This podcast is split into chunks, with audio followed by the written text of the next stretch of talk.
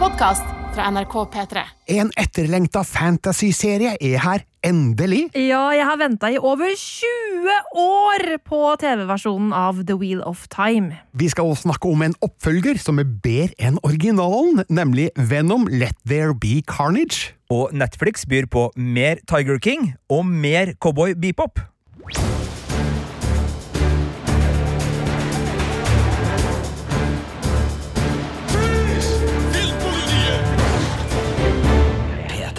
Hei, hei fra oss, som er Birger Vestmo. Marte Hedenstad? Og Sigurd Vik. Og det er du, Marte, som skal få lov til å snakke aller mest i starten av denne podden, for gud, hvor du har venta på serien The Wheel of Time. Det har jeg virkelig. Det var en eh, bokserie som jeg begynte å lese da jeg var 13 år.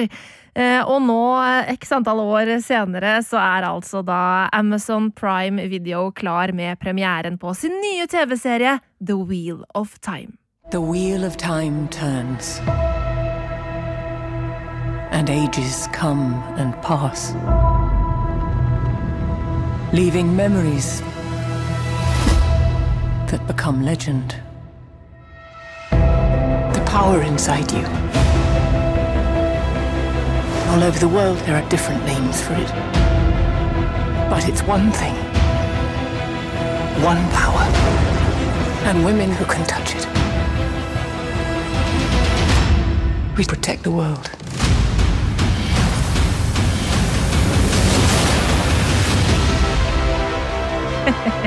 Du dirigerer musikken her, Marte, i studio. Det er tydelig at eh, du liker at det skal være litt pompøst, og gjerne med en elegant kvinnestemme som innleder dette universet. Ja, ja, Litt sånn ja. Kate Blanchett i Ringenes herre-aktig. Ikke sant? Eller eh, Altså, det er jo på innledningen, ja, men eh, du kan jo tenke deg også Daenerys. Altså, i Game of Thrones. Jeg liker det litt pompøst. Jeg liker det storslagent. Og Vi brukte jo et ord eh, da Game of Thrones sto på som verst, og, eh, og jeg kalte det dragekomisk, ja. for jeg syns jo det blir litt sånn for mye uh, av det svulstige og det episke og det pompøse, men du Ja. får ikke nok av den greia der, du. Nei, jeg elsker det. Jeg elsker Men det. vi må ta et lite overblikk her. Vi har snakka om The Wheel of Time før i denne podkasten også, men for de som er helt ferske her, hva er The Wheel of Time?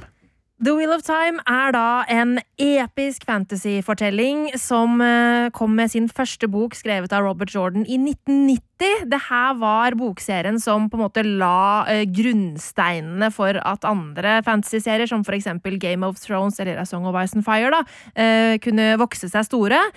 Og dette her er da en Innledningsvis en veldig klassisk fantasyserie hvor Robert Jordan eh, tok troper fra Lord of the Rings og satt dem inn i sitt univers eh, og spilte videre på det. Her har vi da eh, en gjeng med unge mennesker eh, som må begi seg ut på eventyr. Det er en utvalgt person som er den eneste som kan redde verden fra det onde. Og så er det da tilsynelatende en kamp mellom det gode og det onde som pågår. Og så har vi magi, vi har politiske konflikter og intriger og maktspill og alt som hører med. Ja, så The Wheel of Time i bokform har litt av den samme betydningen som eksempel Dune-romanen har for eh, Star Wars og all annen science fiction. Absolutt. Eh, Det var eh, en bokserie som satt litt sånn standarden for hva moderne fantasy kunne være, og som brakte fantasy inn på bestselgerlistene for første gang på veldig lenge. Og Robert Jordan blir jo ofte omtalt som på en måte den moderne Tolkien på grunn av dette, da. Sånn at jeg har jo da elska denne bokserien siden jeg var 13 år, og den har fulgt meg gjennom ja, mer enn halve livet mitt. Um, og uh, ja, jeg har et nært forhold til denne bokserien. Har lest jeg vet ikke hvor mange ganger, over 20 ganger. eh, og det var jo da med en viss skrekkblandet fryd jeg gikk inn i, i denne TV-serien, kan du si. Altså, har du lest hele bokserien 20 ganger? Ja, altså, eh, fordi jeg tror da jeg begynte å lese den, det var vel i 1998, da tror jeg det var åtte bøker omkring der som hadde kommet ut. Og så måtte jeg jo vente, det er 14 bøker totalt, pluss en, en prequel-bok. Og da leste jeg jo hele serien på nytt eh, hver gang det kom en ny bok. Eh, og så har jeg jo lest den Eh, kanskje en gang i året etter det. Eh, og så har jeg hørt eh, serien på lydbok eh, Altså, det, den er sånn go to-greie. Jeg bare skrur det på jeg, hvis jeg trenger noe å høre på. Det er eh, Wheel of Temple-lydbok. Ja, og jeg husker jo uh, den dagen hvor vi fikk beskjed om at uh, nå er uh, anmeldereksemplarene kommet, og da kom det seks av åtte episoder fra Amazon Prime til utvalgte, og det skal sies, de kom ikke til alle, det var utvalgte anmeldere som da fikk disse, og du gikk hjem med eh, røde kinn og et gigantisk glis og gledde deg sånn, samtidig som jeg vet at du også da var eh, veldig nervøs. Mm. Og eh, vi kan vel avsløre så mye at det her var eh, inn mot helg. Så hvordan var da den her helga di, Marte, hvor du skulle liksom endelig få se TV-versjonen av ditt kjæreste fantasymesterverk? Ja, altså jeg så jo da alle episodene den kvelden eh, til eh, sent på kveld. For man, altså jeg klarte jo ikke å slutte med det. Eh, og innledningsvis så, så jeg, ble, jeg ble jo veldig grepet, og jeg begynte å, å, gråte og fikk gåsehud og alt mulig sånn der. Og, og, første episode satt veldig godt universet for min del, og satt rollefigurene på en fin måte. Så jeg kosa meg veldig med det. Og jeg syns at serien virkelig klarer å på en måte oversette ånden til Robert Jordan da, inn i dette universet. Um, selv om det er en god del endringer fra bøkene uh, i TV-serien, men det er sånt man må regne med når det er en adapsjon. Det som jeg syns er synd, da, uh, er at det jeg var redd for, uh, har skjedd. Og det er at dette er en veldig stor historie som da må liksom kondenseres ned til Eh, åtte da, episoder som det er i eh, første sesong, og det er det rett og slett ikke tid til. Eh, sånn at det går litt fort i svingene her. Det er veldig mye som skal fortelles på veldig kort tid, og det gjør at det tas noen snarveier her og der som ikke er helt heldig når det gjelder manusarbeid, rett og slett. Men er det noe som vi vil merke, vi som ikke har lest bøkene, eller er det snakk om detaljer som bare de største boktilhengerne vil legge merke til? Eh, det er nok noe som alle vil legge merke til, vil jeg tro. Fordi det handler om pacing i serien. Det handler om eh, hvordan ting fortelles på. Eh, at, at det eksempel er en del ting som skjer offscreen, som blir litt sånn kjapt fortalt for å komme seg videre i handlingen. Og det syns jeg er eh, litt sånn slett eh, arbeid, rett og slett. Eh, så der var jeg, på den fronten så var jeg litt skuffa. Men når det kommer til eventyrfølelse eh, og på en måte den følelsen av å være i et stort univers med en rik mytologi. Eh, hvordan jeg blir glad i rollefigurene, som jeg selvfølgelig er glad i fra før. Men altså, eh, der er den veldig god. Eh, og når serien tar seg tid til å la oss bli kjent med denne versjonen av rollefigurene, så fungerer det veldig, veldig bra. Eh, og rollefigurene har veldig god kjemi eh, med hverandre. Eh, for eksempel da Madeleine Madden, som spiller en figur som heter Egwene, og Joshua Stradowski, som spiller en figur som heter Rand. De to har et kjærlighetsforhold her, og de har kjempegod kjemi. Eh, og det er en del som en en ting av serien som har blitt utvidet inn i TV-serien i forhold til bøkene, og det syns jeg var veldig positivt. Og så er det også en annen ting som jeg syns var veldig fint, og det var hvordan eh, serieskaper Rafe Judkins har fått inn mytologien eh, på en mye større måte. Fordi i dette universet her så så befinner vi oss i en verden hvor tiden er sirkulær, eh, og hvor reinkarnasjon er en stor del av det. Eh, mens i bokserien så er dette egentlig mer et bakteppe. Eh, her blir det løftet inn i dagliglivet som en slags eh, litt mer sånn religiøs greie. Og det syns jeg kler serien veldig godt, og det eh, gjør at jeg tror for de som er nye seere som ikke har lest bøkene før, vil på en måte umiddelbart skjønne litt mer hva det går i. Og det var løst veldig fint, syns jeg. Mm. Jeg, merker jo at i og med at det her på mange måter er en historie som sannsynligvis skal uh, fortelles over tid for Amazon. Altså Allerede så har sesong to blitt, uh, blitt bestilt, og uh, som du sier, altså det er så mange bøker, og det er en så stor historie som skal fortelles her. Jeg lurer da på disse tempoproblemene og, og, litt det der med at man forteller gjennom dialog i stedet for å vise fram for å liksom haste mm. litt gjennom og, og, få det her til å liksom få et, ja, for, for din del, litt for hyppig tempo. Er det noe du tror kommer til å er, er det stilen? liksom? Kommer det til å fortsette, eller er det litt sånn barnesykdom som serien bare trenger å fortelle veldig mye på i starten, og så skal de komme inn i, i rytmen? Altså, er det noe forbedring utover i de seks episodene som gjør at du har trua på at uh, tempobiten blir bedre, og at det blir en mer naturlig vekst i, i historiefortellinga? Um, der er det en Det er en litt sånn ujevn kurve der i serien. Um, altså I de seks episodene jeg har sett. Uh, det er noen episoder som på en måte lar oss være et sted, uh, og som på en måte lar oss uh, være med på utviklingen som skjer. Mens plutselig neste episode så er det kjempetravelt igjen. Sånn at den er litt sånn vinglete akkurat på den fronten. Men jeg håper jo at det er noe som du sier, at det at det er veldig mye som skal etableres her. For jeg har ikke nevnt halvparten. altså det er, nesten, det er litt for mye å gå inn på i denne podkasten. Vi har en annen podkast ja, hvor du spoiler ja, Wheel of Time. Det er veldig mange elementer som skal etableres. Og det er klart at når disse tingene er etablert, så vil det kanskje for en sesong to være lettere å ha tempoet litt roligere ned. Og sesong to er allerede langt inn i innspillingen. Det ryktes av, av visstnok sikre kilder, ifølge en del kilder på internett, at TV, sesong tre til og med er, har fått grønt lys av Amazon, men det er ikke bekreftet. Sånn at det, det er på vei, og um, det, det, merkes veldig at Amazon har stor tro på eget produkt her. Uh, og, og, det kan jo hende at har noe med den enorme fanbasen som The Will of Time har fra før.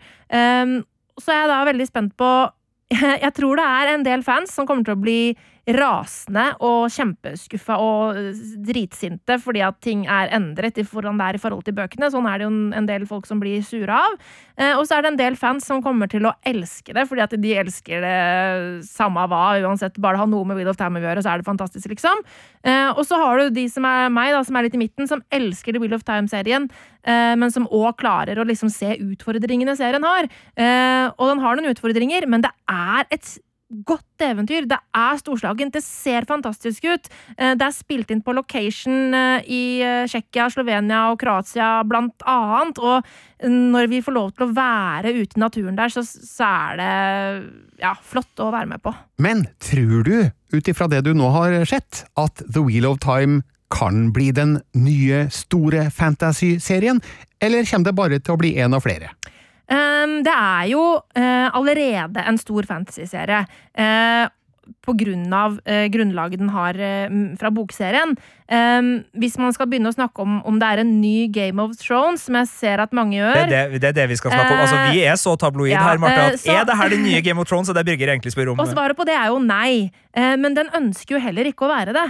Fordi der Game of Thrones på en måte gikk i hermetegn mer realistisk til verks, Eh, og der er det satt i en tid eh, på en måte som ligner på middelalderen, så er dette noe helt annet. Dette er fantasy.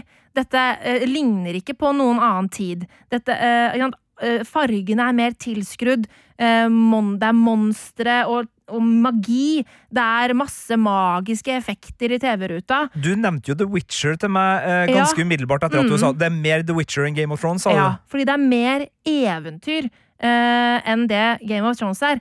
Game of Thrones er jo et såpedrama som tilfeldigvis er satt i en eventyrverden. Mens dette her er eventyr med stor E, eller fantasy med stor F, som jeg skriver i anmeldelsen min. Marte, du og Sigurd, ja, du sa det jo Sigurd, dere skal lage podkast. Mm. Har faktisk allerede sluppet den første preview-episoden. Eh, dere skal skravle i det vide og det brede om The Wheel of Time, akkurat slik dere gjorde med Game of Thrones-podkasten. Hva skal skje i The Wheel of Time-podden? Ja, altså, På fredag så kommer jo da de tre første episodene av The Wheel of Time på Amazon Prime Video. Uh, og det skal vi podde om på mandagen. Da skal vi gå gjennom de tre episodene og recappe de, fortelle hva vi syns, hva var best, hva var verst. Eh, og alt som hører med. Og det er ikke sikkert vi er enig. Det er ikke sikkert vi er enig. Og der vil vi også gjerne ha med deg som hører på. Uh, hvis du skal se på The Wheel of Time, uh, fortell oss hva du syns. Uh, fortell oss hva du syns var best og verst, og send det inn til filmpolitiet at nrk.no på e-post. Og gjerne hvis du har noen tanker eller noen spørsmål eller hva det måtte være om dette universet, så vil vi gjerne snakke med deg om det. Ja, og Vi har allerede begynt å få inn spørsmål, og det er spørsmål som går på TV-serien, men det er også spørsmål som går på universet, for dere har jo her en gyllen mulighet mulighet Jeg har bare lest eh, de første bøkene og er en eh, novise eh, i Wheel of Time-universet, men Marte, som hun allerede har sagt, hun kan det her Ja, veldig godt. Det er Poenget er bare, altså Det eneste vi må passe på, er å, på en måte låse dørene, sånn at Marte ikke spoiler feil ting i feil del av podkasten. Så, eh, så på slutten av podkasten blir det nok en liten sånn der eh, Barte deler alt-sekvens. men, men underveis så skal vi prøve å ikke avsløre ting som vi vet kommer til å skje. Altså. Ja, vi, skal- vi skal holde det ganske godt, men, men det vil også være en avdeling for bokfansen der i, i den podkasten. Absolutt. Vi vil ha med både deg som elsker Wheel of Town fra før, og du som aldri har hørt om det før, og akkurat skal begynne å se på.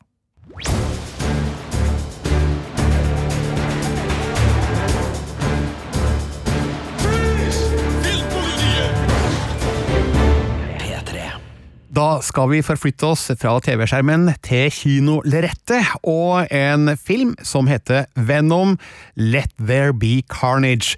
Og det her er oppfølgeren til Venom fra 2018. Og da den kom, så ga jeg terningkast to. Jeg var skikkelig sur og grinete i anmeldelsen min og skrev at det her var en Marvel-fadese som aldri i verden kom til å få en oppfølger. Ja, der ser dere hvor mye jeg vet, men nå er oppfølgeren her, og den er heldigvis bedre. Lady, we should be out there snacking on bad guys. I am a predator. I need to be free. You have got to get control of your aggression. Or you will get hauled off into Area 51. You live in my body. You live by my rules. I'm sorry. I don't know what came over me. Please let me fix it so I can push it again. You are a loser. Ja, det var altså litt lyd da, fra Venom Let There Be Carnage.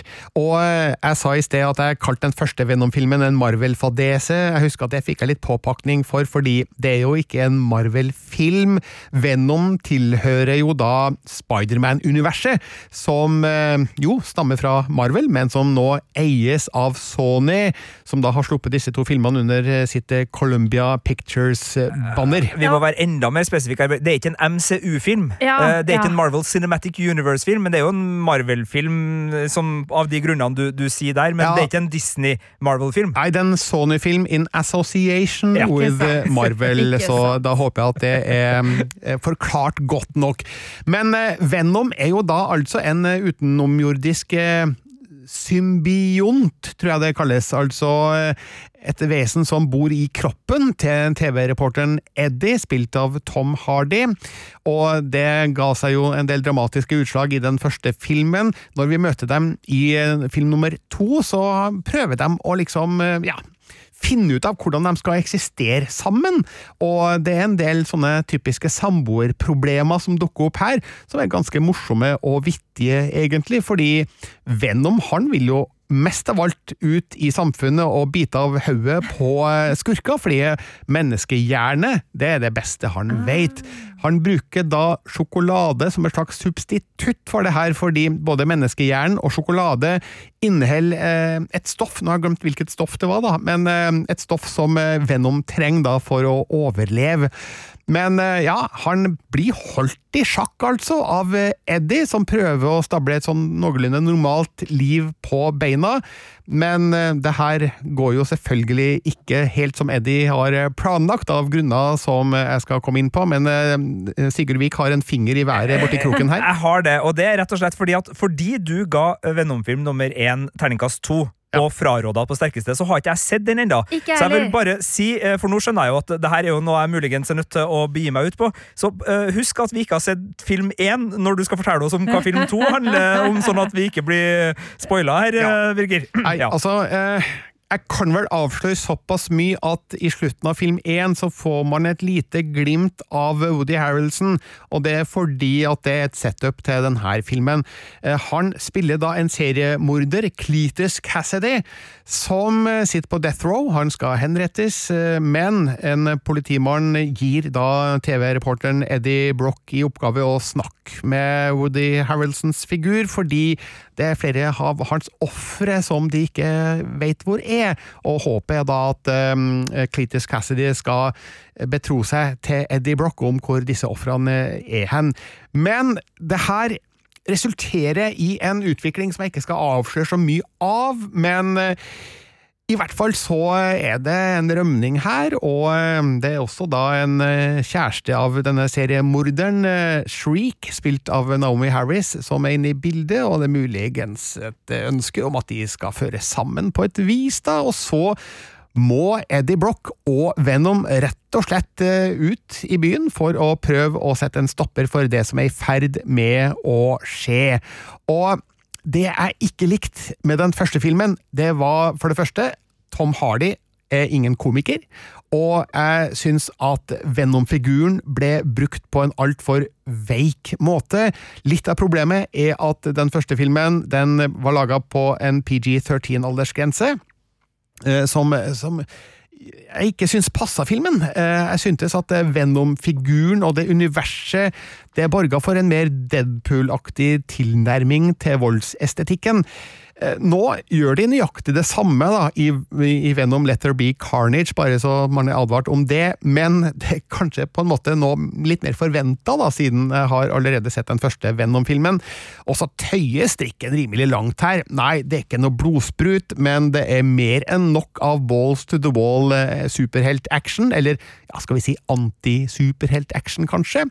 Og eh, jeg syns at eh, de digitale effektene, det er jo åpenbart en digital skapning vi snakker om her, eh, fungerer bedre enn i den første filmen, og litt av årsaken kan jo være at regissøren her er jo selveste Andy Serkis. Han er jo kjent som skuespiller av et par velkjente digitale figurer. Gollum i Ringenes herre og Cæsar i den siste Planet of the Apes trilogien, og ja, det er mulig at eh, det har gitt noen positive utslag her.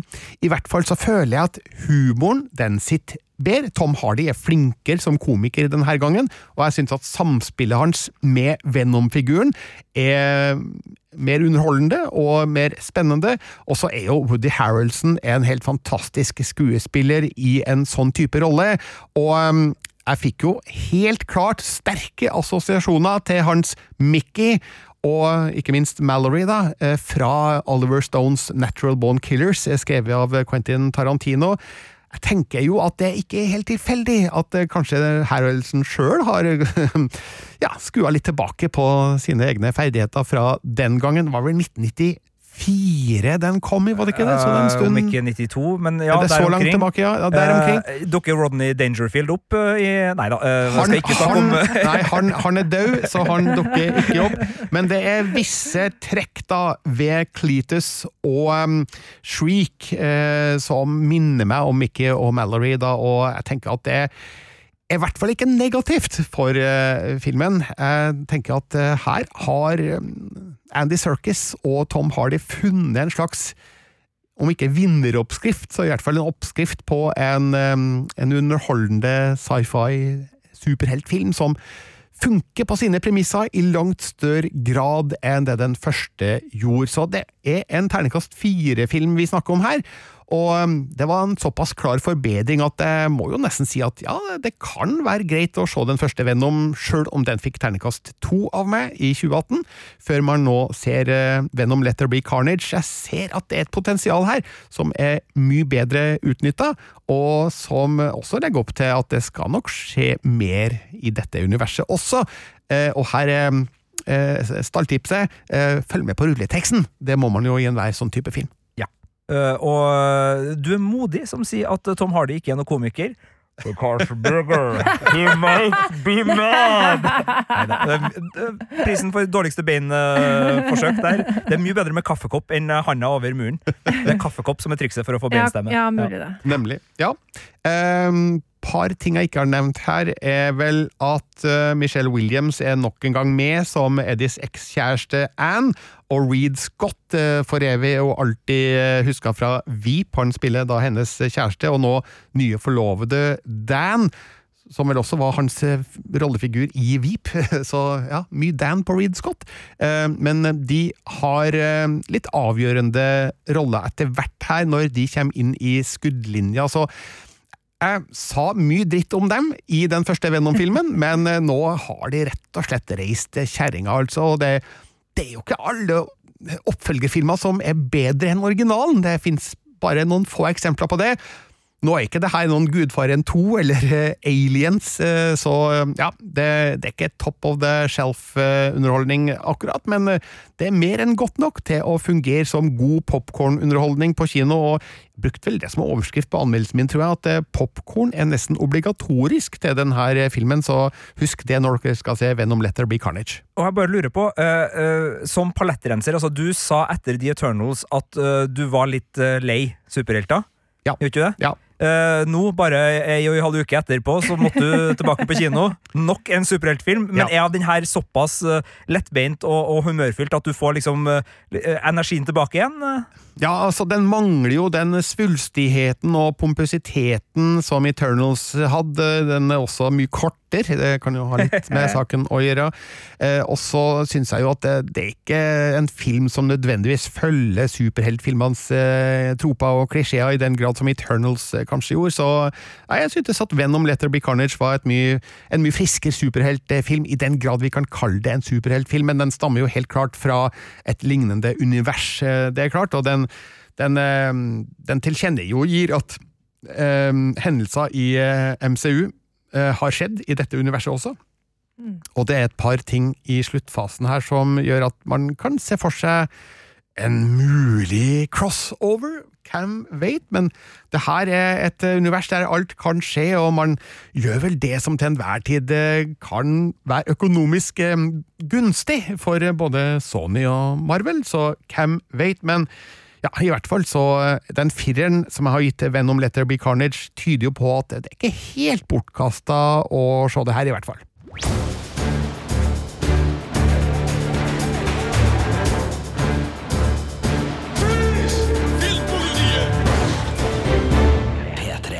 Fra en oppfølger til en annen oppfølger, men eh, i et annet format, og av en annen kvalitet, har jeg skjønt, eh, Sigurd. Ja, for der uh, Venom uh, var uh, en film som på ingen måte fikk deg til å rope etter en oppfølger, så er jo Tiger King på Netflix en så stor suksess at det var vel bare å forvente at de kom til å lage mer, uh, sjøl om det absolutt ikke var nødvendig. Likevel, vi fikk Tiger King 2.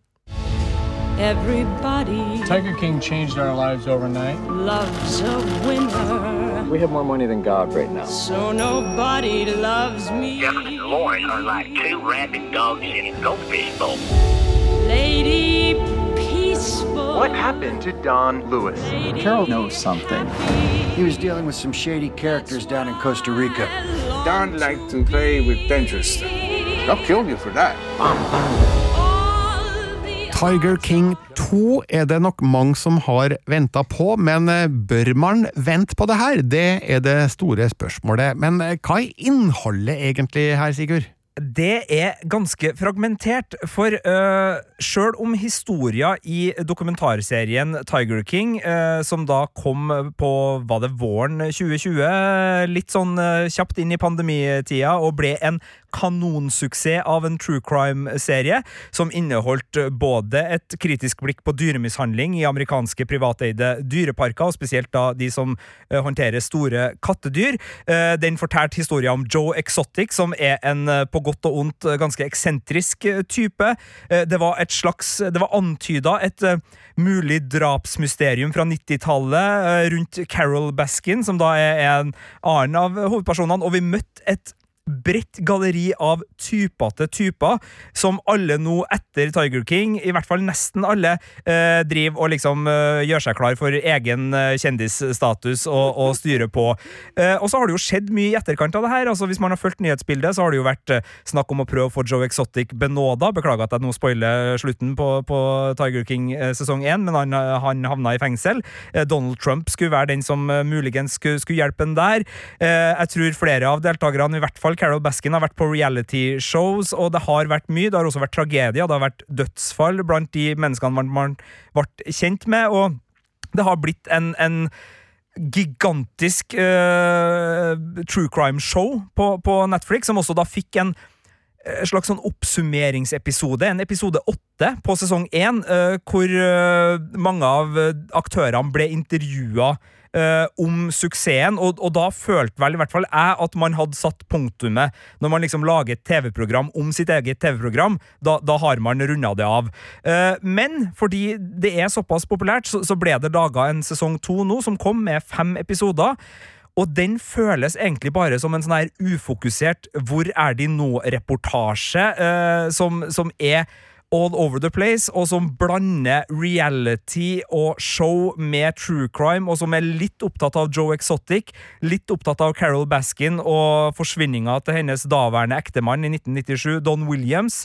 Hvis det, var, det var Donny Williams han het? Ja. Uh, litt opptatt av dyrevelferd og hva som videre har skjedd med, med de store kattedyrene. Uh, litt opptatt av disse birollene som vi ble kjent med, og hva de gjør nå, og Instagram-kontoene deres. Og så dukker det selvfølgelig opp noen nye opportunister her, av både etterforskere, åndelige typer som, som kan ja, se på et bilde og finne ut hvor liket er, og advokater. Så det er et potpurri av alt mulig ræl, eh, og ingenting er liksom den der store, nye historia. Det er riktignok én stor avsløring som kommer i siste episode, men bortsett fra det, så er det bare mer.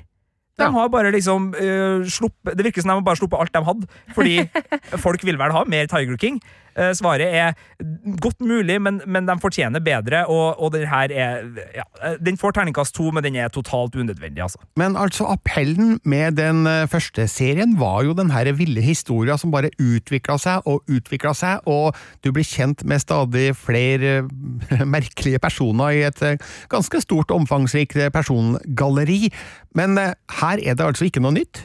Nei, eh, det er eh, ikke så mye nytt. Altså, Don Lewis, som da var navnet, ikke Don Williams. Don Lewis, eh, som da forsvant i 1997. eh, Carol Baskins daværende ektemann. Der er det to episoder som nøster i den forsvinninga. Altså, hva kan ha skjedd? De reiser til Costa Rica, hvor han eh, pleide å, å fly for å hente eh, eksotiske kattedyr, uh, visstnok. Og, og liksom Og da, da er det en true crime-serie. Eh, så er det en del på Joe Exotic og liksom hva har skjedd med Free Joe-bevegelsen, men det er jo Altså, det har man jo lest i, i nye, altså det, det er jo ikke noe mer her enn det vi har sett i, i nyhetsbladene, og de er øh, journalistisk litt sånn på kanten, og de liksom legger storminga av Kongressen som et sånt dramatisk bakteppe for at Joe Exotic da, altså sånn antyda at sånn Ja, og det ble jo ikke noe mer med altså, så, det, det er noen sånne der halvkveda viser øh, som, som ikke altså, De sier ikke noe direkte, men de bruker patos, etos og logos i retoriske grep her for å virkelig skru på alle brytere, og så merker man jo når man sitter i sofaen og ser på det her, at men her er det jo egentlig ingenting. Og det er jo det som er følelsen gang på gang i denne dokumentaren og de fem timene. Man starter liksom sånn Oi, har de noe, har de noe nytt og saftig her? Nei, det er jo ingenting. Å, det, har det skjedd Nei, det har jo ikke skjedd noe. Altså, så, så, så det er bare en sånn kontinuerlig følelse av å bli skuffa. Og det er jo ikke noe sånn veldig attraktiv TV-underholdning. Men du sa at det er én stor avsløring i den siste episoden, og du skal jo ikke komme med den her. Jo, jo, jo, for det som har skjedd. men, men, men kan det funke for de som er bare interessert i det, og bare så den siste episoden? Ja, vet du hva? det tror jeg faktisk det kan. For hvis man bare er opptatt av uh, det mulige justismordet rundt Joe Exotic, for det er jo det Joe Exotic uh, og Free Joe-bevegelsen hevder, altså at det er en setup her med noen av de andre aktørene, og at det var ikke sannheten som kom fram uh, da han ble, ble dømt. så, så for dem som er opptatt av den biten, nå frykter jeg jo at det kommer til å stå i nyhetsoppslag uh, ganske snart, for sesongen er jo allerede ute, og, og, og det her er jo en juridisk prosess. Det her er jo ikke først og fremst Tiger King-dokumentaren. Det er jo først og fremst livene til uh, folk som bor og lever i, i USA, og som uh, dekkes av, av, øvrig presse og av rettssystemet der. Så, så det er godt mulig at uh, det jeg sier det her, så er allerede den nyhetssaken ute på, på diverse nettaviser. men hvis du vil se det i Tiger King-ånden, så for all del, uh, se siste episoden, og så bare uh, vite at du har ikke gått glipp av så veldig mye. Men, og det er klart, Hvis du elsker det universet her og er superopptatt av alle menneskene, for all del, bruk fem timer på det. Men det som er litt trist, er jo at serien ikke ser sin egen rolle i alt det her, og det var jo det store jeg savna, fordi her har det vært både tragedier og gleder for de involverte. True crime-økosystemet er jo et økosystem i enorm vekst, nettopp på grunn av strømmetjenester og det her voldsomme behovet vi har for å se mer, vite mer. Og her er det både uh, tydelig at fankulturen og kjendisdyrkinga og kjendisbehovet til de involverte er mekanismer som er avgjørende her, og her spiller jo dokumentarserien sjøl en så utrolig sentral rolle, men den evner ikke å se det. Den bare registrerer at fankultur og kjendisbehov er der, og så klarer ikke den å gi noe innsikt i verken hvorfor den er med å blæse opp det her, og det er jo fascinerende å se liksom intervjuobjekter du ser som er ny øh, for oss, som vi ikke så i sesong én, som kommer og med en gang liksom skal gjøre seg til stjerner og liksom være typer til typer fordi de vet at det her er en billett inn til en mulig kjendistilværelse. Så, så det plager meg, da. Det journalistiske, manglende, verkende såret med å ikke se seg sjøl. Nå svarer ikke jeg på det du spurte om. Beklager. uh, Men uh, det du nå forteller om Tiger King 2, det får meg til å tenke på en annen en av fjorårets store true crime-serier, I'll Be Gone in the Dark, som jo handler om Michelle McNamaras jakt eller etterforskning på den såkalte Golden State Killer, da, som herja i, i, på vestkysten av USA i 1970-80-åra. Eh, der kom det jo en oppdateringsepisode nå i sommer. Altså én oppdateringsepisode. Kunne det ha vært en bedre løsning for Tiger King å komme med én oppdateringsepisode? Det hadde vært en mye bedre løsning, eh, for da hadde vi sluppet å brukt så mye tid, og det hadde også på en måte fungert som en epilog. Eh, Det her ble jo en ny sesong, en ny stor sesong, og følelsen av at de har blåst opp det her i kunstige proporsjoner, dominerer inntrykket når man sitter og, og, og ser det. Så ja, Birger, eh, det hadde vært mye bedre, men det spørs om Netflix ville liksom ha litt mer sånn eh, trøkk i det, da, og, og her skylder ikke jeg bare på regissørene, for jeg tror nok eh, behovet for å få ut en ny sesong altså, jeg, ser for meg at det er noen markedsmekanismer her som gjør at mange har villa ha den det, sesongen her. Det har kommet en bestilling fra Netflix der. Muligens, det vet vi jo ikke, men, men altså, det, sånn, det, det lukter en bestilling som de ikke helt har makta å fylle, og så har de bare liksom slengt ut alt de har. Mm. Uh, nå gjentar jeg meg sjøl. ikke se Tiger King 2, uh, med mindre du er ekstremt dedikert fan av Tiger King-universet. Og eh, hvis du ser den, legg merke til eh, eh, hvor eh, kynisk den er, og hvilken type dokumentarserie den er. For at det er noe vi er nødt til å begynne å se litt mer på, tror jeg. Hvordan true crime nå vokser seg inn i underholdningssjangeren og begynner å krysse over med reality- og show-elementer. Noe som gjør at den dokumentarsjangeren eh, bør eh, diskuteres eh, og, og sees på med kritiske blikk. Ja, Så smekk på fingrene til Netflix for Tiger King sesong to, men de har én sjanse til i dag, for du har sett noe annet som er aktuelt eh, der nå? Det har jeg. Eh, Det er en eh, serie som er en slags nyinnspilling, en live action nyinnspilling av den ja, Skal vi, skal vi kline til oss i en kultanimasjonsserie fra Japan fra 1998, nemlig Cowboy Bebop. In this solar system, if the cops and the bounty hunters don't get you, the syndicate will. There's no happy ending here. Spoken like a man who's never been in love. I was. What happened? I was dreaming. Denne lyden er altså henta fra Cowboy Bebop, ny live action-serie på Netflix. Og eh, kan du si litt mer om eh, opphavet her, Sigurd? Ja, det er en 26-episoders eh, animert serie som eh, kom i 1998, og som tar for seg en gjeng dusørjegere om bord eh, romskipet Cowboy Bebop. Det er sånn at vi er vel i år 2071, og jorda har blitt nesten ubeboelig, og man har kolonisert eh, solsystemet og en del planeter, sånn at eh, det er eh, liv, da, eh, men mennesker eh, på de andre planetene rundt oss. Og det her er en sjangerblanding av western, neo-noir og sci-fi, ispedd samurai-action og komedie og en del andre ting, som gjør at de sa vel på et tidspunkt sjøl at eh, det er ikke en sjangerblanding, det er en ny sjanger. Eh, men eh, det, det, det er en sjangerblanding, og den ble veldig populær, naturlig nok, fordi det er en utrolig fin og uh, sår og artig og blodig og kul historie, som er jeg, tror de sjøl har snakka om at de prøvde å liksom få hver episode til å være en liten film i miniatyr, eh, og det har de veldig lykkes godt lyktes med, for det er noe med de her eh, serieformatene hvor man uh, henger med den gjengen man, man liker så godt, om bord på plasser man, man trives så godt, men samtidig så føler man at hver episode har en mening. Det er ikke bare liksom uh, fyllstoff. Og det gjorde at de kunne dra det i ganske ulike retninger. Det er på et vis en, en eh, tragisk kjærlighetshistorie som involverer mafia og eh, oppgjør med fortida og, og den tragiske kjærligheten som ikke kan eh, nås.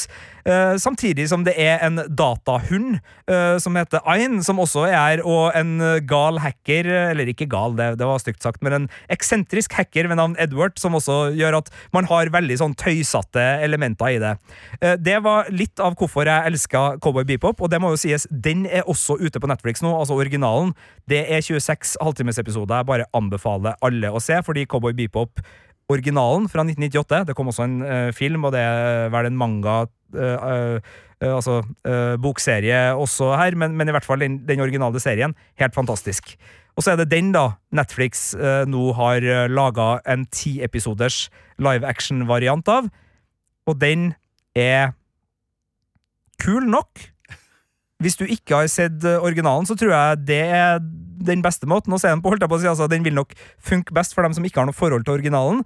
Da er den en artig sjangerblandende actionkomedie med en duft av Tarantino, med kule slagsmål, dusørjegere som reiser rundt på oppdrag i verdensrommet øh, og tar seg av eh, skurker, og, og må sjøl bli jaga litt, for det er et øh, syndikat som, som, jakter dem.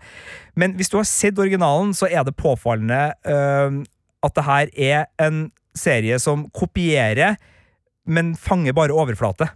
Altså, Den får ikke fram poesien, brodden, øh, stemninga, øh, tematikken rundt fremmedgjøring, ensomhet, sorg, tap. Altså Alt det her som definerte og gjorde originalen så utrolig god, det er ikke med over.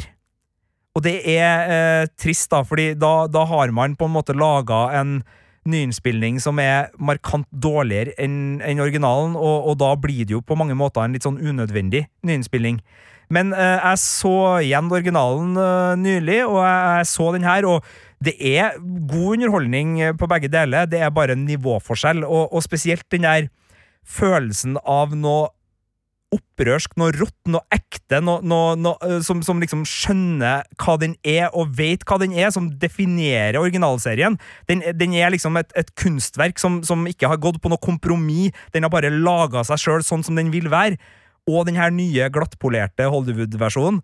Altså, det, det, er, det, er, nesten ekstra vondt, fordi det her er jo en sånn serie som i tematikk kanskje liksom føles som litt mer punkete enn det den nye er. Men altså, eh, Sigurd, jeg har visst om Cowboy Bebop i over 20 år. Jeg har tenkt at denne serien må jeg se i over 20 år, og så har jeg brukt over 20 år på å ikke se den. eh, men jeg elsker eh, space westerns, altså western-inspirert science fiction. Og eh, når jeg da ikke har sett den originale tegneserien, kan da allikevel den nye live action-serien innfri mitt behov? Ja.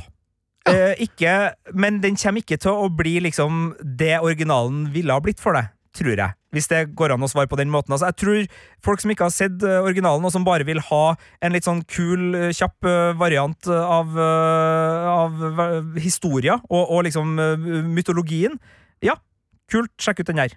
jeg kan svare for deg, Birger, fordi jeg har jo også uh, hørt masse om Kawa Bebop, og den er så fantastisk, og jeg har hatt den på lista, og, hei og hå, men ikke sett det. Og så har jeg jo nå sett halvparten av den sesongen av live action-versjonen på Netflix, og jeg syns det er artig, underholdende. Uh, syns slåssinga er litt uh, dårlig. Litt sånn, den er, det er veldig sånn tydelig koreografert, og det ser veldig koreografert ut du vet, når du forventer at slaget skal komme, osv. så. Litt sånn. Uh, og det trekker litt ned. men rollefigurene er kule og morsomme, syns jeg. type til typer, som Sigurd sier. men, og det er litt sånn derre kvalitetstegn er jo sånn hvis du har alle episodene på en serie, og du bare må se neste, da er jo det positivt. Mens på denne serien her så har liksom mannen min og jeg sett en episode, og så sånn Ja, det var artig. Ja. ser vi noe annet. Og så tar vi en ny episode kanskje dagen etter. Det er litt sånn som vi har det med Squid Game hjemme hos meg. Vi har sett uh, fire, tror jeg. Ja, ikke sant. Mm. Episode seks av Squid Game er den beste. Ok, ja, takk for den. Ja. uh, nei, men, men det er nok riktig uh, oppsummert, uh, Marte. Altså, det, det er helt grei underholdning her, og, og det som plager meg, er at jeg tror det er det Netflix er tilfreds med. Mm. Altså, fordi det, det gjør at det er en, eh, en merkevare de har nå i samlinga, som, som folk kan liksom se, og et bredt publikum eh, vil eh, ja, kunne nyte det her. Det er generisk popkornunderholdning, vil jeg si. Men som du sa til meg på kontoret i stad, Sigurd, var at det som er positivt med den live action-remaken, er jo at den nå eh, på, eh, presenterer Cowboy Bebop for et nytt publikum. Sånn at kanskje eh, den originale animen kan få en ny vår i Netflix. Ja, fordi det er egentlig to premierer her samtidig. Eh, Den har jo vært tilgjengelig på fysisk format, og jeg tror også muligens på YouTube, strømming, originalen. Men nå er den jo tilgjengelig for et veldig bredt publikum, sånn at hvis man da enten benytter anledninga til å se originalen først, før man eventuelt ser nyinnspillinga, eh, eller eh, ser nyinnspillinga og tenker ok, fascinerende, jeg vil se eh, hvor det her stammer fra, så har man den muligheten. Og det er jo en kremserie. Så eh, eh, toppkarakter til eh, at Netflix eh, slipper eh, De har ikke sluppet filmen. De har sluppet eh, de 26 episodene som da er, er serien. Eh, men, men at det nå er tilgjengelig på Netflix, det er jo en fantastisk gave. Så, så sjekk ut Cowboy Bebop, eh, sånn som du sjøl ønsker, da. Men det er i hvert fall ikke noe tvil om at eh, jeg, eh, og jeg tror mange med meg, sier at eh, her er fremdeles originalen klart best, og så er nyinnspillinga ikke helt grei, men grei. Da setter vi en sluttstrek for podkasten vår. Du kan lese alle anmeldelsene i tekstversjon på p3.no filmpolitiet. Du kan sende oss en e-post på filmpolitiet alfakrøll.nrk.no, og akkurat nå er det vel en eh, spesiell type e-poster vi gjerne vil ha? Og ja, vi vil ha e-poster fra deg som ser The Wheel of Time på Amazon Prime Video. Vær med og diskuter serien, sånn at vi kan lage en herlig podkast til deg som hører på i The Wheel of eh, Time-podkasten til Filmpolitiet, som havner eh, akkurat der du fant denne podkasten. Ja, og den finner du i appen NRK Radio, der du finner alle NRKs podkaster aller først. Vi heter Birger Vestmo, Marte Hedenstad. Og Sigurd Vik. og si takk for at du hørte på. Du har hørt en podkast fra NRK. Hør flere podkaster og din favorittkanal i appen NRK Radio.